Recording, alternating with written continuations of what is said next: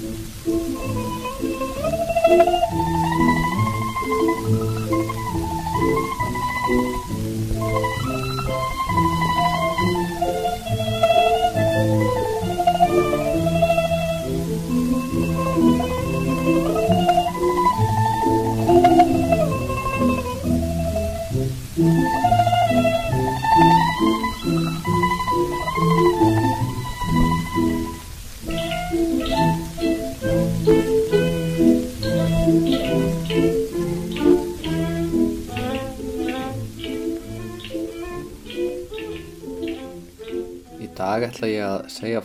Frá ævafornri hefð sem um, tíðkaðist að vísu ekki lengur en tíðkaðist alveg fram á 19. öld og gekk undir nafninu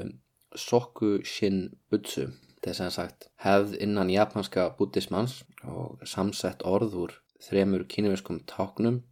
Soku stendur fyrir samstundis eða umsöðalaust, getur líka því óaðskiljanlegt, sérstaklega í svona buddhísku samhengi. Shin ef þú heyrir sinn á japansku þá getur það þýtt alveg ótal margt. En uh, táknið sem er þarna inn í orðinu merkir líkami og er borið fram sinn yfirleitt í svona þegar þetta er svona kynverst orð eða fræðilegt orð en það má bera það fram á ímsa aðra máta eins og eiginlega öll tákn. Og síðan er það að lókum butsu sem uh, þið gætu nú kannski giskað á hvað þýðir eða það þýðir búta og eins og hinn táknin það má lesa það og tala marga vegu en í Þessum lestri þá er það Soku Shin Butsu, umsefalaus líkamnun á Buddha. Og hvað merkir það? Já, þetta er svona mín klunnalega þýðing úr japansku en þetta orð hefur yfirleitt verið þýtt að vera á ennsku á allt annan máta. Þá hefur það verið kallað self-mummification, að gera sjálfan sig að múmiu og þetta er pínulítið ógeðslegt. Það hafa fundist 23 Soku Shin Butsu líkamar eða öllu heldur lík eftir því að hvernig maður horfir á það. Að því að sé maður raunverulega trúaður í, í, í þessari, á þessa tilteknu hefð þá lítur ekki svo á að þetta séu lík heldur að þetta séu menn sem eru í, í hugleðslum og þeir eru búin að ná á það stig að þeir þurfi ekki lengur mat, drikk eða að draga andan en þeir séu þetta samt að hugleða og þó að það séu til 23 svona líkamar líkamar sem hafa ennst í fleiri hundruð og í einu tilteknu tilviki í yfir þúsund ár þá um, eru eflaust enn fleiri dæmi, jafnvel þúsund fleiri dæmi um að menn hafi reynt að gera sjálfa sig að múmju og mistekist. En að þessu likur margra ára ferli, við erum að tala um 3000 daga eða um það byrj 10 ár. Og í fyrsta lagi þá verður þú að stunda mikla líkamsrækt þú stefnir að því að verða múmja. Þetta í því fælst að hlaupa og ganga mikið fyrstu árin eftir að þú hefur þessa vegferð og að sjálfsögðu þá eigður öllum öðrum vakandi stundum sem þú ert ekki að hreyfa þig í að kyrja og, og, og svona, já, bara huglega. Svo er margt annað líkamlega erfitt líka í þessu ferli eins og til dæmis laung, köld, böð, allt með það að markmiði að reynsa og setja mann í rétt andlegt ástand en stíði sem kemur eftir það er ekki eins og að fara að hlaupa Iron Man og hjóla og synda eða eitthvað svo leiðis eða búa sundi marathon. Um, næst breytir maður mataræðinu og á japansku heitir mataræðið uh, Moku Chiki Gyo og það er aðeins öðuldra þýða en, en fyrra orðið það er aðna Moku uh, þýðir 3 þetta er ták sem að bera fram á nokkuna mismunandi mátaða sjálfsögðu en Það er til dæmis Mokuyobi er trjádagur og er einn af dögum vikunar í Japan. Og það likur laung hefð að baki því bútismannum að, að hafna kjöti og oft líka fisk og dýraaförðum, munkar og nunnur í bútismannum þau hérna, eru yfirleitt vegan. En eh, Mokuchiki-gyo tekur þetta alveg á næsta level því að þá samanstendur mataræðið einverðungu af furunálum, já, furunálum trjákvóðum mm, og fræjum. Þannig að þú ert bókstælega að borða tré.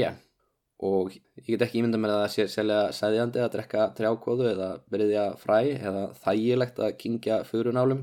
en þetta þarfst að þóla ef þú ætlar að ná markmiðin og verða lifandi múmia. Smám saman þá drekkur þið minna og minna vatn svo líffariðin byrja að skreppa saman. Ég veit nú svo sem ekki hverju vísindina baki þessu eru en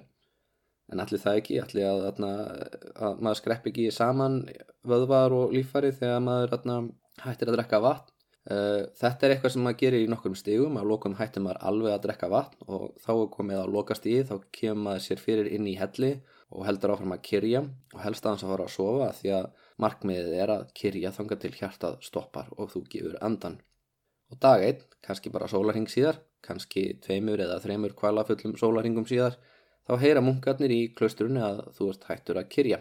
þá kemur einhver að gáða þér og staðfestir að þú drægir ekki andan lengur kalla til fleiri sem virða fyrir sér líkamann. Og þetta er stór stund þótt að þú sért að öllum líkindum steindauður einstaklingur. Þetta er samt stór stund fyrir þig því að þú að eða 3000 dögum í þetta.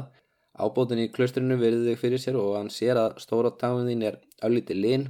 komið nálikt af henni og hún og aðra tær byrjaðar að rótna. Þannig að hann hristir vonsveikin höfuðið. Það komið róti líkamann og það þýðir að þessi munkur var ekki þess verður að verða lifandi búta. Ah, svo nálagt samadí, svo nálagt náðu ekki alveg þangað. Þannig að þá múra hinnir munkarnir fyrir hellisopið og byggja bænir í nokkra daga svo að sálinn endur fæðist á góðum stað, sé ekki bitur eða reið út í heiminn og verði vonandi færum að öðlast uppljómun í næsta lífi. Þannig endaði þetta eflust í flestum tilvökum að munkarnir þeir þrátt fyrir stránt mataræði þá uh, byrjaði líka minna rótnast upp eftir döðan eins og gerist og það var tekið sem uh, merkjum það að viðkomandi einstaklingur væri ekki siðferðislega reyðubúin, ekki siðferðislega undirbúin undir það að verða mumja. En 23 einstaklingum tókst að ná þessari líkamlu umbreytingu. Hjartað hætti að slá, blóðflæði stoppaði, líkaminn styrnaði og af einhverjum ástæðum, kannski einhver efni sem er í trjákóðunni eða fyrunálunum eða fræjunum uh, þeim tekst að hindra rótnun og veist, ég sé myndir af svona múmjum sem uh, hafa orðið til á þennan máta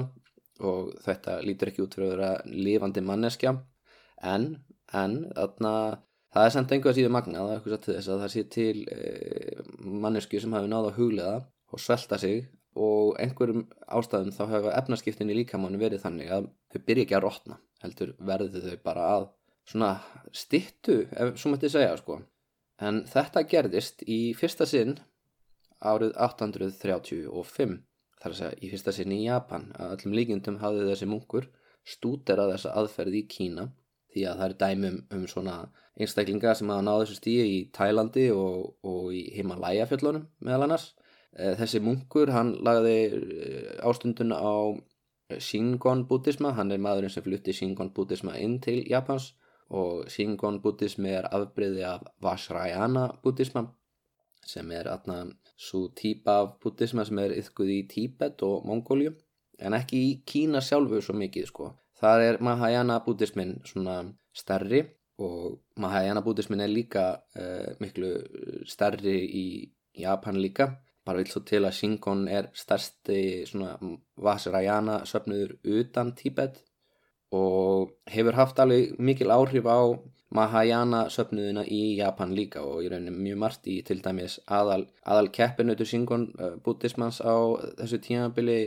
Tendai buddhismin, hann tók inn rosalega margt frá Shingon buddhisma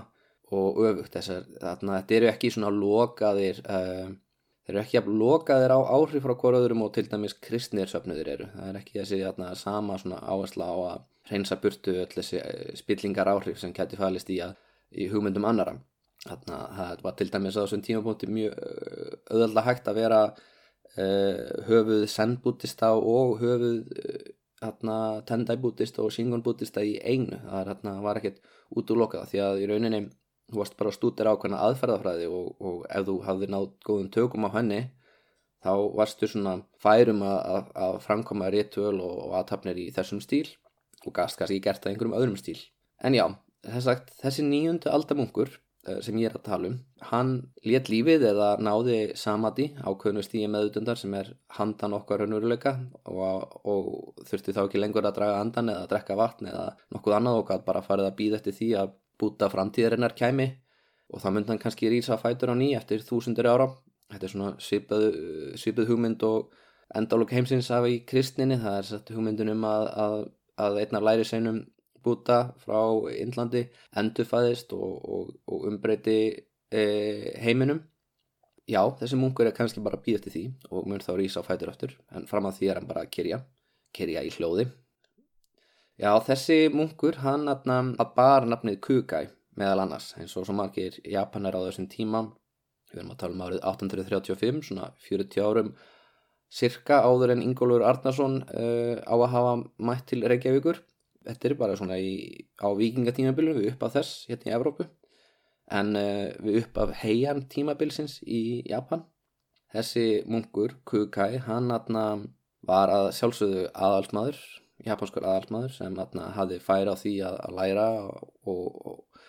og að lesa og skrifa og, og stúdira í, í bara mestu háskólum síns tíma Húnum er þakkað ímyndlegt í Japan í dag. Má segja að hann er ekki bara með okkur líkamlega en þá, hann er líka með okkur andlega því hann var andlegu leðtogi, hann var ráðgjafi keisara, hann er líka verkfræðingur, uppfinningamæður,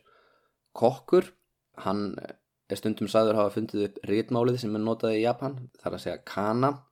Á hans tíma þá voru Japanir byrjaðir að nota kínvest rítmála sjálfsögðu og þegar þið skoðið í japansku þá sjáu þið kanji sem eru þessi floknu tákn með fullt af strykum, margt í gangi en þeir sjáu líka aðeins einfaldari tákn sem eru katakana og hiragana og eru ekki með svona, þau eru ekki tákn með merkingu heldur einungist til þess að miðla hljóðinu og þau eru mjög nöðsilegt til að skrifa japansku almennilega út af því að japanskan ólíkt kínverskun er ekki allt eins atkvæða orð heldur er þetta orð sem geta breyst eftir því hvað, hvort þessi þáttíð eða nútíð Uh, og, og það er ímiðskona málfræði sem gerir það verkum að þú eiginlega þarfst að hafa svona tákn eða þú ætlar að skrifa hana já bara svona skiljarlegan máta sko en auðvitað þarna er það miklu flottar og meira töff ef þú getur notað hullt af kýminsku táknum. Það sýnir náttúrulega bara hversu þarna gáður og klár þú ert og hversu vel mentaður þú ert og þarna allt það. En, en tja það er í sjálf og sér ekkert fáraleg hugmynd að kuka hafi fundið upp á því og gæti vel verið að einhver í klaustrunans hafi fundið upp á því eða hann sjálfur eða einhver í öðrum búdískum klöstrum á þessum tíma. Að því að Kukai hann kunni sanskrit sem er indvest tungumál sem notar öðruvísi reitmál heldur en kínverska og þess vegna hefur hann haft beint fyrir framann augun sín öðruvísi leið til þess að skrifa tungumál heldur en þessa kínversku. Og það er því ekkert, ekkert erfitt að hugsa til þess að hann hafi hugsað með sér af hverju notuðu ekki svipaða aðferð til að skrifa japansku Hann er með líka þakkað að hafa fluttinn samkynneið til Japans sem ég finnst alltaf fyndin tilvísun að bara samkynneið sé bara einhver svona hugmynd eða bel bara einhver svona aðferðafræði sem þú getur lært og, og svo kemur hann með þetta til Japans og allir bara, wow, hvað, hvað er þetta? Þetta er nú svolítið sniðut. En hún hafi sér þetta ekki verið til í Japan fyrir en Kukai kemur með hana frá Kína. Uh, eh, Öruglega mikið af alls konar samkynneið um samböndum í gangi innan klaustrana geti ég trúað og væri alveg hægt að gera alveg heilu þættinu um það, hugsa ég já, jafnvel kannski aðeins síðar það er aðna uh, samkynneið í japanskri sögur alveg þessi verið að gera hlaðvarp upp úr uh, hugsa ég gerir það þegar við förum að nálgast eto tíman en svo á hann kuka líka á að fundið upp udon núðlur. Udon núðlur eru svona núðlur sem eru frekar þykkar og eru mjög vinsalir í atna, því hér aði og á þeirri eigu sem kuka er fættur því að kuka er Þarna fyrsti náungin sem fjallum sem þarna fæðist á Shikoku. Og Shikoku hefur verið svolítið út undan í þessum þáttum hinga til út af því að sko það er svo margt sem gerist á Kyushu út af því að Kyushu er nær meginlandinu. Þannig að þegar nýjar hugmyndir koma til Japans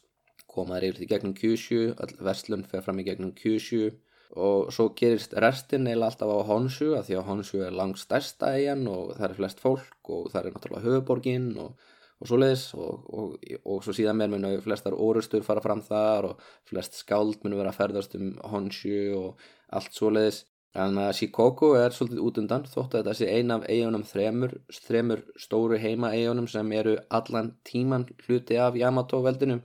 og Kaito er náttúrulega ekki hluti af sögu Japans fyrir ná 19. veldi rauninu veru en Shikoku er eiginlega bara svona svolítið sveit sko bæði þá og, og í dag og er kannski svolítið út undan ennþá en þarna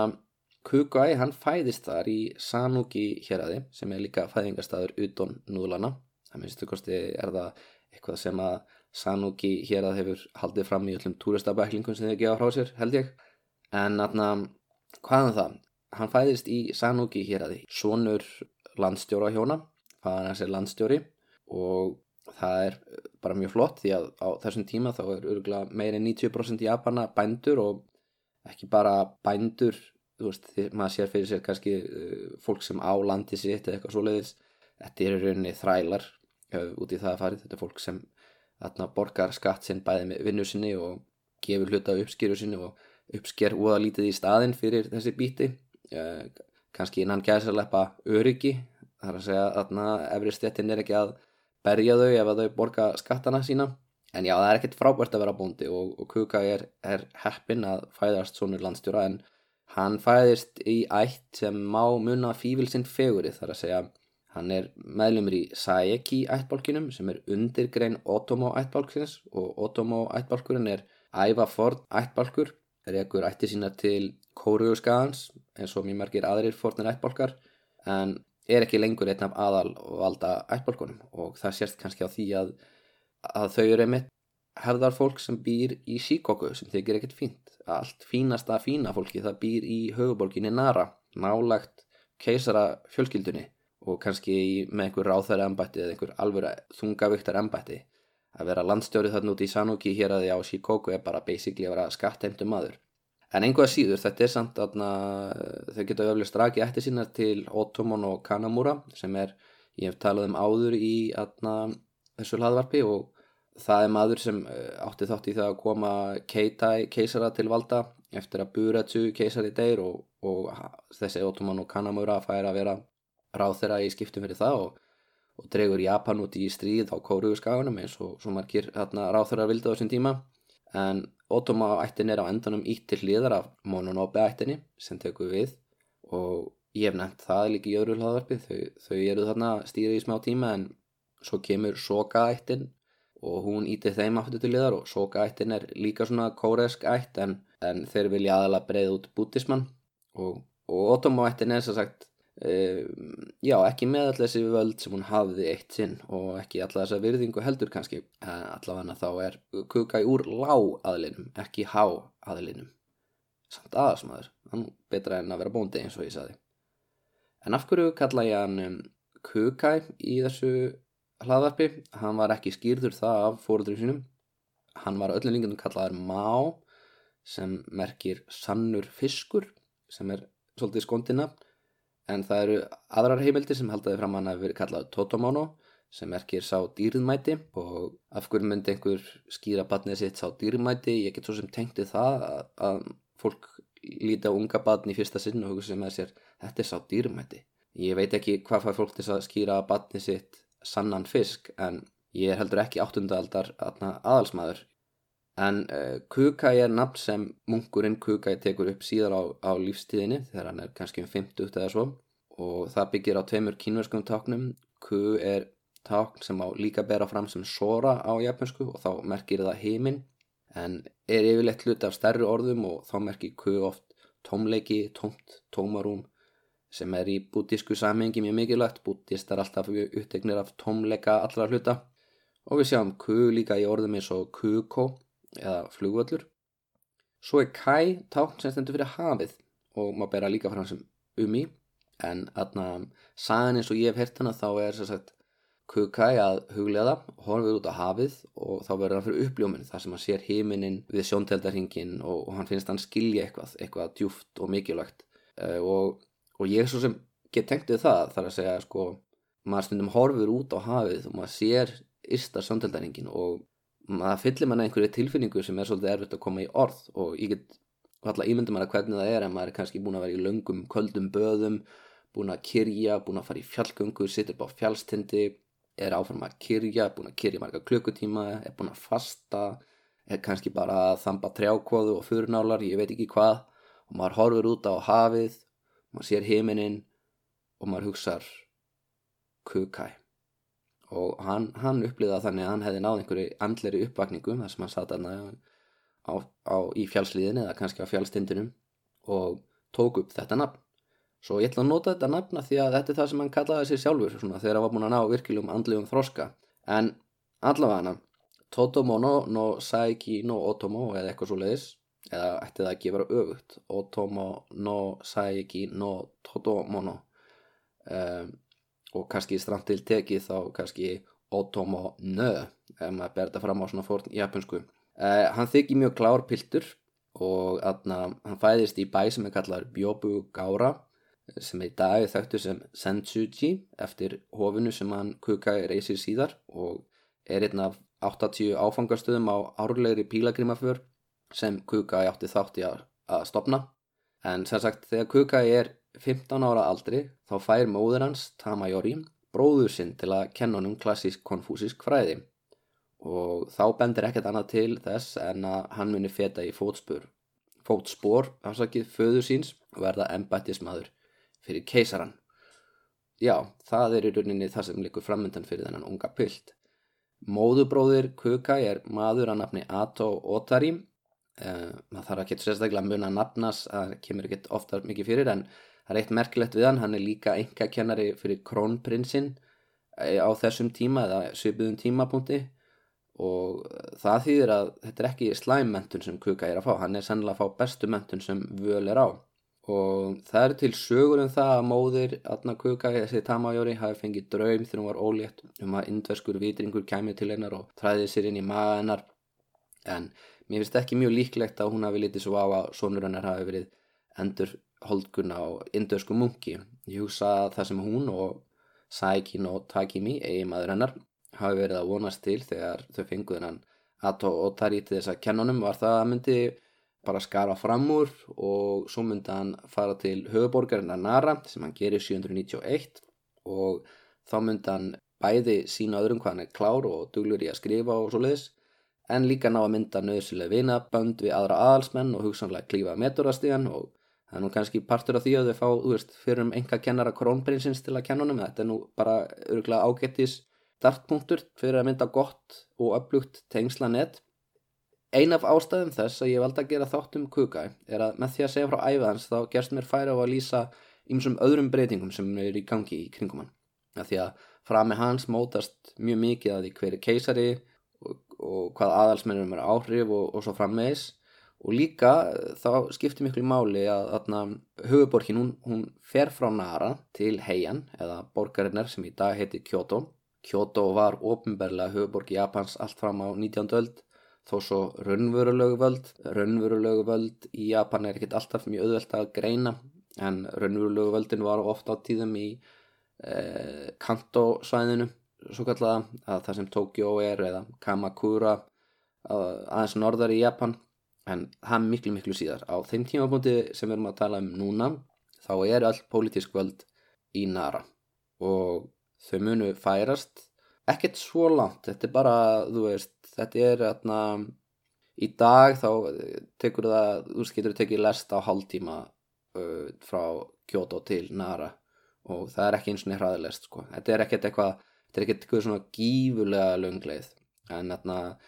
en einhvað síður þá er þú veist atna, heian höfuborgin á stað þar sem hún nýtur vendar frá fjallgarði og er uppi fljót sem tengist við aðal atna Hafnaborgina. Að margar góður ástöð til að færa höfuborgina frá Nara til Heian en í fyrstu þá reyndar er gerð misetnuð tilurinn til þess að færa hennar á stað sem heitir Nagaoka og það er einmitt það sem að keisarinn er að reyna þá. Hann er ekki búin að ákveða að færa höfuborgina til aðna Heian heldur ætlar hann að færa hana á til Nagaoka og það á ekki eftir að fara vel en ég kem að þess að því eftir smá stund Nú í síðasta þætti þá sagði ég ykkur frá Koken eða Shotoku, þessari keisarinju sem stýrði Japani til ásins 770. Hún var náttúrulega mjög öflugur keisari því að atna, hún bældi niður uppreysnir, hún skipt út fórsættisráðurum og það var í rauninni ekkert mikil mótstaða við hana og hún komst um að gera allskins e, eh, brjálaða hluti eins og að banna kjöta og eitthvað svona. Þegar e, þjóðhauðingi er færum það að banna ákveðna matategundir og, og, og atna, gera einhvern munk sem er atna, ekki með neyn tengsl við stóru valdaættirnar gera uh, munk að fórsættisráðra eða svona einhvers konar ríkistjóra fyrir sig það sýnir bara það að það er enginn sem getur stoppað henni því sem hún vil gera. Þegar hún lést þá tók við maður sem að nefni Shirakabe við ennbættinu sem er svona frekar metnaðalítill og auðglimtur keisari í raun og veru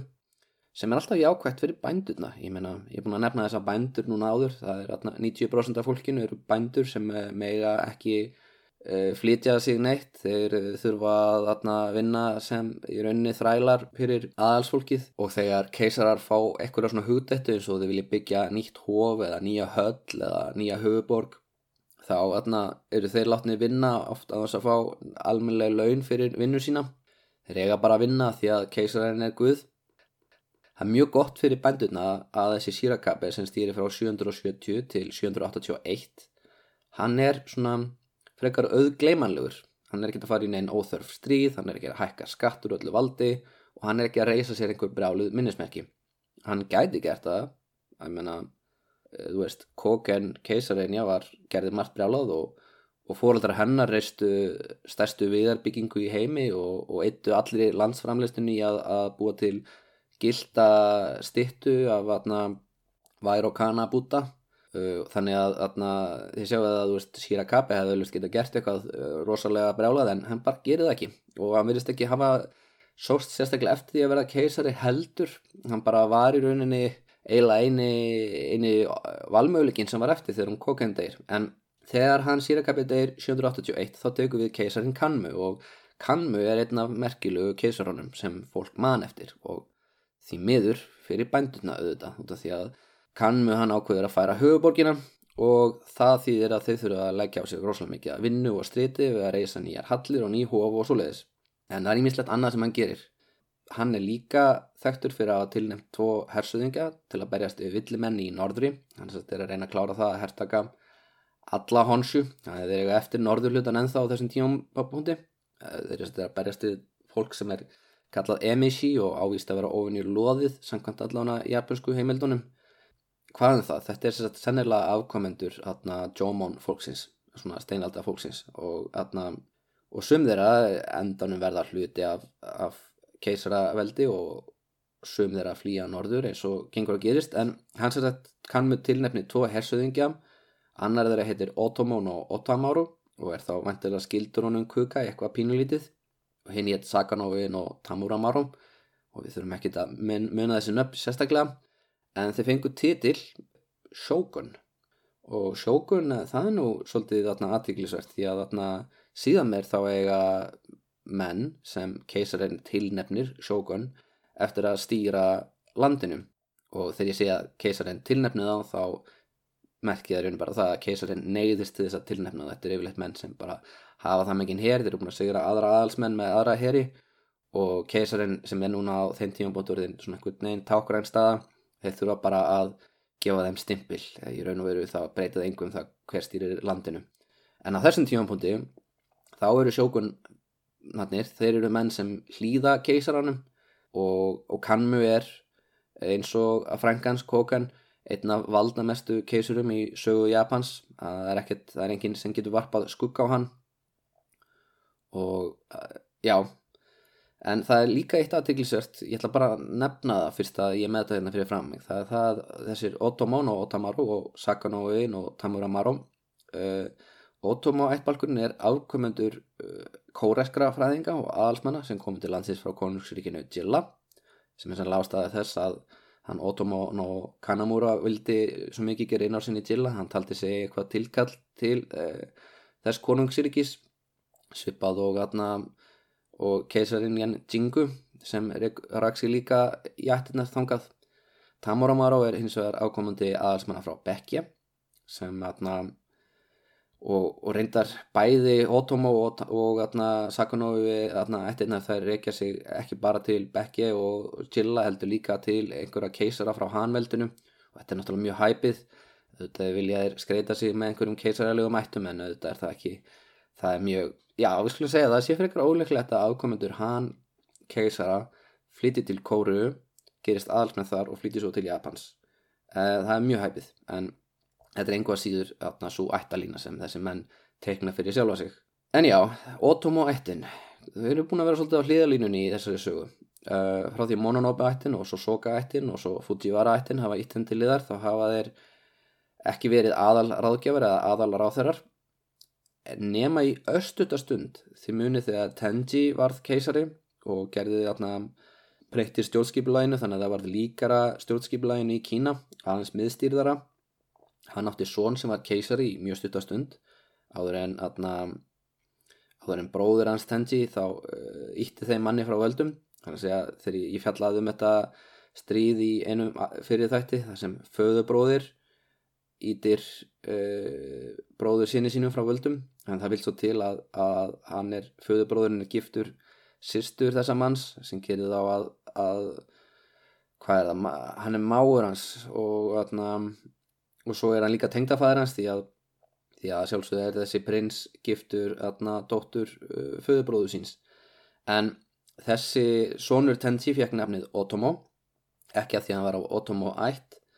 en af því að Otomo ættin hafði átt stóran þátt í að flytja höfuborgina fyrir keisaran þá hafði keisarin nefnt hennan prins Otomo í þakklæðiskinni og á þessum tímabóndi þá sér að höfuborgi Japans inn á áhrifasvæði Otomo ættarinnar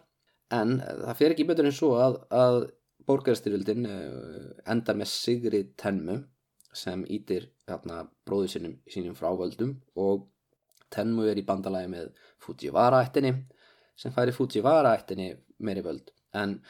en þetta er samt ekki svona, svona glift og skorið út af því að þarna, ættarhöfuð Otomo ættbalksins stiður að sjálfsögðanan Otomo en hann á yngri bróður. Og yngri bróðurinn er maður sem heitir Otomo no Yasumaro. Honum fannst sökka að vera ekki ættarhöfuð vildi fá að vera ráþra og eitthvað svona. Þannig hann skipt um lið. Hann stóð með sigurvegaranum og í velun eftir að borgarstyrildin var siguruð þá fekk hann að vera ráþra og varð ættarhauð ótóma ættarinnar. Og það sökkar auðvitað fyrir eldri bróðurinn en sínir líka bara að það skipti mála verið réttu liði. Þannig að á næra tímabilinu þá fekk ótóma ættina gegna einsum hlutverkum. Uh, svonur Svíkula yngri bróðusins, maður að nafni Otomono Tabito var svo ættarhauð Hann fóð til Kyushu að bæla niður uppreist Hayato ættbalkarins sem ég hef nefnt áður líka í þessu hlaðarpi og þegar Kuka kemur til Nara þá er ættarhauðuð Otomo maður að nafni Otomo no Yakamochi. Ég hef líka talað um hann áður. Uh, hann er sett badna, badna þessa Yasumaro en hann er miklu frægari en, en hinn er tveir út af því að hann setti saman ljóðarsafnið mann Jósju og skrifaði textan fyrir þetta lag sem fjallar um hvað keisarin er mikið æði.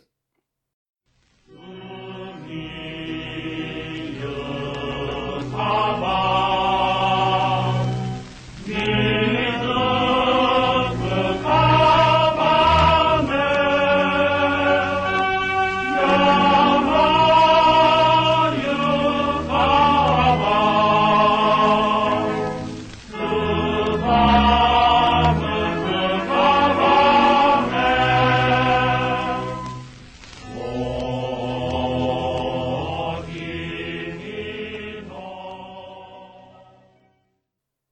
búin að þýða það áður þó ég drukni á landi, þó ég farist á sjó. Ef það er fyrir keisaran hef ég enga eftir sjá. Teksti og lag sem hefur fallið yllilega úr tísku eftir aðna setni heimsturöld en einhvað síður þessi Yakamochi gerði ímislegt gott fyrir keisarættina þegar Fujiwara og Hirotsugu gerði uppreist þá fór hann og bældi niður uppreist hans og fekk að vera landstjóri í, í, að launum í mörgum mikilvægum hýrðum og þegar, atna, þegar sjómu eh, vek frá völdum þá tók dóttirnas við, Koken keisareinja og Yakamochi held áfram að þjóna henni og hann, hann atna, bæli niður aðra Fuji var uppreist. Er að segja þegar Nakamaro fyrir um elskuji Koken keisareinju gerur uppreist þá er það Otomono Yakamochi sem atna, eh, bælir hann niður. Hann er, hann er búin að í rauninni drepa tvo meðlum í Fuji varættinni á þessum tímapunkti. Og að kannski anda svolítið kolda á millið þeirra, ég veit það ekki þannig að þó svo hann sé mjög gott ljóðskáld og fræðimæður og stríðsmæður þá, þá er auðvitað mjög margi sem líka mjög illa við hann Yakamochi. Og nú vil það svo til að Yakamochi er hérna komin á hvað er það, fjórðið keisar hann er búin að þjóna Shomu hann er búin að þjóna Kogen. Svo í stuttastund uh, ungum frænda hennar sem hún setur aftur frá völdum. Þannig að hann er að þjóna henni aftur. Svo Shirakabe og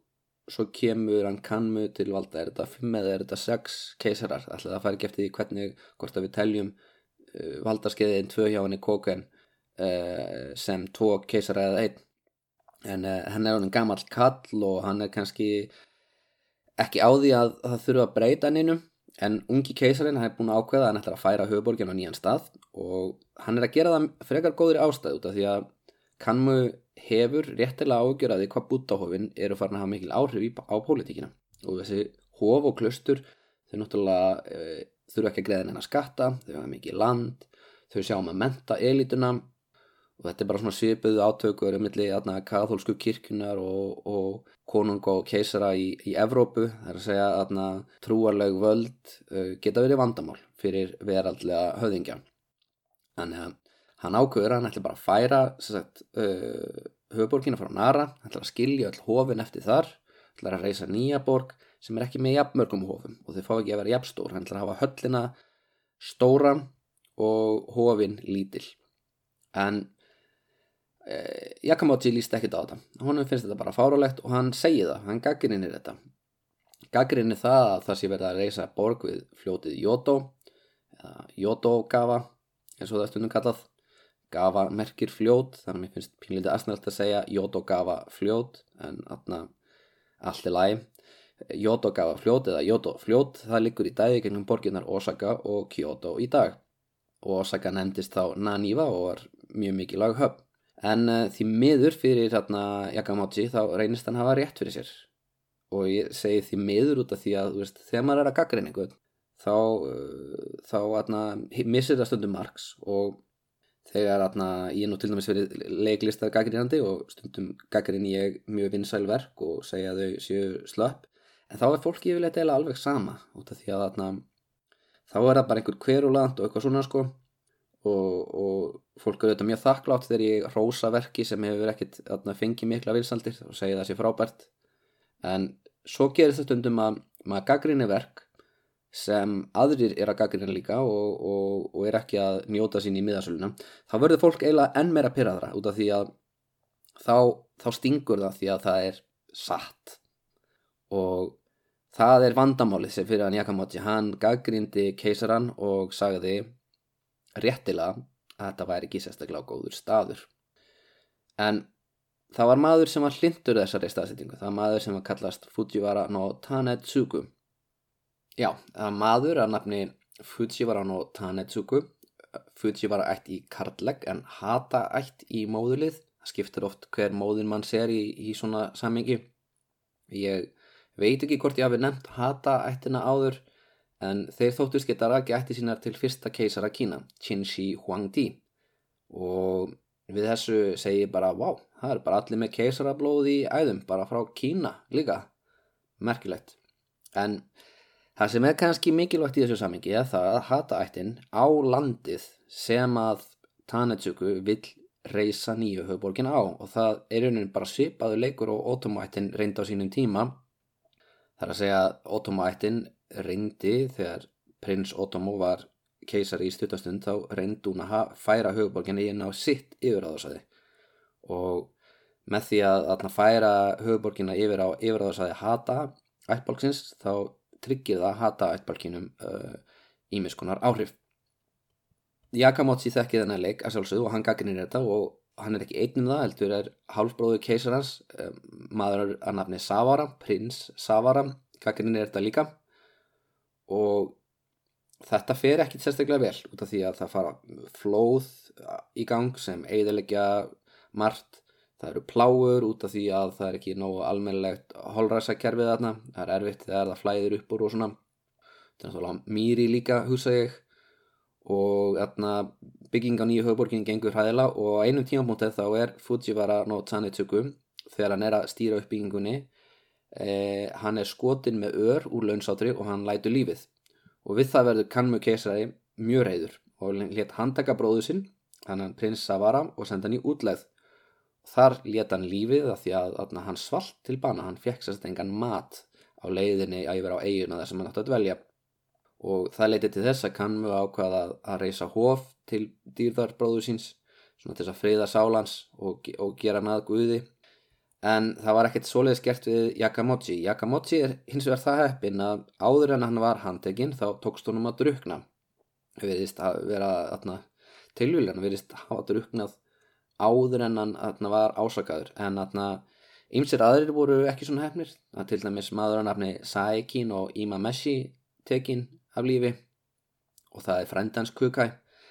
Og það þýðir að um það leitið þegar Kukai er e, byrjaðar í námið sinu við Nara þá lítur út fyrir það að hann mun ekki geta náð neinum alvöru pólitískum frama. Hann er atna, mjög margir af Otoma og Saeki ættum eru handeknir eða sendir í útlægð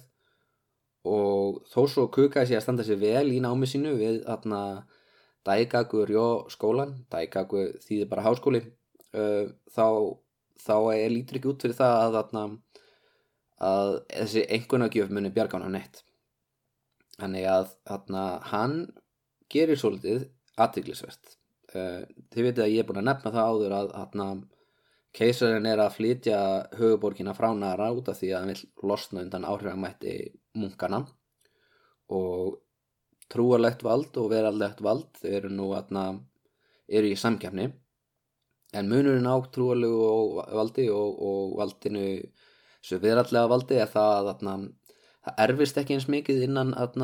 trúarlega heimsins. Það er að segja að það skiptir ekki öll máli hver faðin er eða hver ætternitt er því þú ert maður að taka upp nýtt bútist nafn það sem skiptir máli innan kirkunar, innan gæsalappa innan hofana er hversu klár þú ert, mentun mentun skiptir máli og kuka er rosalega klár. Og hann endar á því að raka af sér allt hárið sitt við Todaiji hofið í Nara stærsta hofið í Japan og það sem buddhismannum er rauninni miðstýrt á þessum tímapunkti. Og hann eh, byrjar að, að yfka huglauslu, fari í fjallgöngur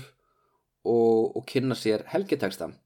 og ég ætla ekki að mála þetta upp endilega eins og þetta sé svona liður í valdabáratu hann hugsa með sér, ok, ég verð ekki landstjóri eins og pappi, ég verð ekki embætismöður um, út af því að Ottomættin hún kemst aftur í náðina á endanum þannig að þetta var nokkið alveg lóku fyrir það skotið að, að hann gæti ekki atna, orðið landstjóri einhver staðar í Shikoku eða eitthvað svoleiðis. Uh, að því að Kuka er held ég mjög trúaður maður önverulega ég meina maður gerir sjálf hans ekki að múmju að hans að meina það myndi ég segja. Og hann eh, lýsiði sjálfur að meðan hann var við háskólan hafi hann komist í kynni við Munk sem sínd honum rittninguna Kokus og Guimonji no Ho. Og uh, þetta er satt uh, helgiteksti sem fjallar um Kokuso búta, eitt af eina byrtingamöndum búta sem er Eh, við sjáum á næturhimnunum því að Kokuso Buddha er líka stjarnan Venus og Kukai verður fyrir ofinbjörn þegar hann klýfur Tæjurju fjall og Kirjar og um það leiti sem hann er hann á hábúndi í Kirjun sinni þá sér hann Venus byrtast á himnunum og þá veit hann að hann vil gerast munkur. Og skrifa sjálfur ég þýði þetta hérna úr ennsku frá þeim tíma fyrirleit ég fræð og völd og þráði líf í náttúrunni. Hvert sinn sem ég sá nokkurn vott um munað, loðfeldi, velfóðraða hesta, hraðskreiða vagna, fann ég fyrir sorg því ég vissi að þessi hlutir voru hverfulir eins og elding upp á himni myndu þeir dopna burt. Og mér finnst þetta svolítið skemmtilega lýsing út af því að Kuka er á þessum tíma um tvítugt og það sem honum finnst vera, veist, luxus og munaður er hraðskreiður og vagn og loðfeldur og velfóðraður hestur og það hljómar eins og sko segjum sem svo að þú væri tvítur einstaklingur í dag að uppgöta trú og snúa baki við veraldlegum lífstíl þá verður að segja að þú veist, þú fyrirlítur núna uh, rauðan Ferrari skilur þið, þú veist, hann er, er að lýsa sko rauðum Ferrari síns tíma sko, þannig þú veist, það er, ungi kallmenn eru bara ungi kallmenn, þeir eru bara svona á öllum tímapunktum og það sem ungum kallmennum finnst flott árið 800 eru sannilega hraðskreiðir vagnar og loðfjöldar og það sem atna, eh, ungum kallmennum finnst flott árið 2020 eru öllum líkitum hraðskreiðir vagnar og loðfjöldar en Kuka þess að sett snýr baki við þessum atna, glæsilugu herstum og flottu loðfjöldum. Og hann skrifar bók sem er atna, kalluð Sango Shiki eða hinnar þrjár kennisetningar. Þetta er bók sem hann skrifar 24 ára gammal og þar lýsir hann í rauninni svona, hans svona persónulegu för. Það er að segja, hann lýsir því að fjölskyldans hafi verið á móti því að hann gerðist munkur og sagt að hann var að breyða skildu sinni sem sonur. Og það er svolítið big deal út af því að sko eh, alla sína æfið þá er Kukai búin að vera stútur af konfúsianisma og í konfúsianisma aðstæðdegðin er í rauninni að uppfylla þær væntingar sem fóreldraðinir og sérstaklega faðin hefur til því haldi í ættarhefðina taka upp ennbætti föðu síns Kuka er í raun að fremja sko verstu synd mögulega innan þessarar heimsmyndar og fyrsta þriðjung bókarinnar þá er Kukai að tala við konfúsískan lærimestara sem kennir honum að lifa lífinu. Í öðrum hluta þá reykast þeir á daoískan svona flækingsmunk sem afbyggir allt sem konfúsianistinn segir og daoísmin og sindóismin eru ekkit svona neinar anstæður ef svo maður segja sko. Daoísmin hefur haft rosalega áhrif á það hvernig sindó þróðast, svo maður væla að segja sko þeir farið frá því að hann byrjaði bókinu á að tala við embætismann farið svo að tala við prest, einhvern svona sjaman eða daoista og síðan kemur þriðji spekingurinn og þriðji spekingurinn er bútisti og hann er með svörin sem að hínir tveir spekingarnir get ekki svarað þannig að þetta er rauninni bókin Sango Shiki, hérna þrjár kennisetningar er lýsing af því hvernig Kukai sér konfúsinismann sem uh, fyrsta stig andlegrar uppljómunar, daoismann sem næsta stig og buddhismann sem þriðja stigið.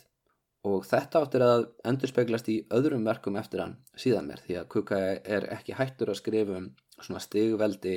heimsbyggi kenninga. Og hann er alveg frábær heimild um það hvernig atna, hvers konar heimsbyggi hugmyndir voru í gangi á þessum tíman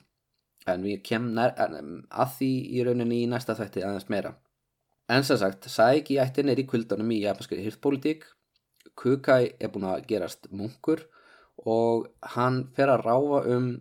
sveitir Japans, kyrja á fjálstindum og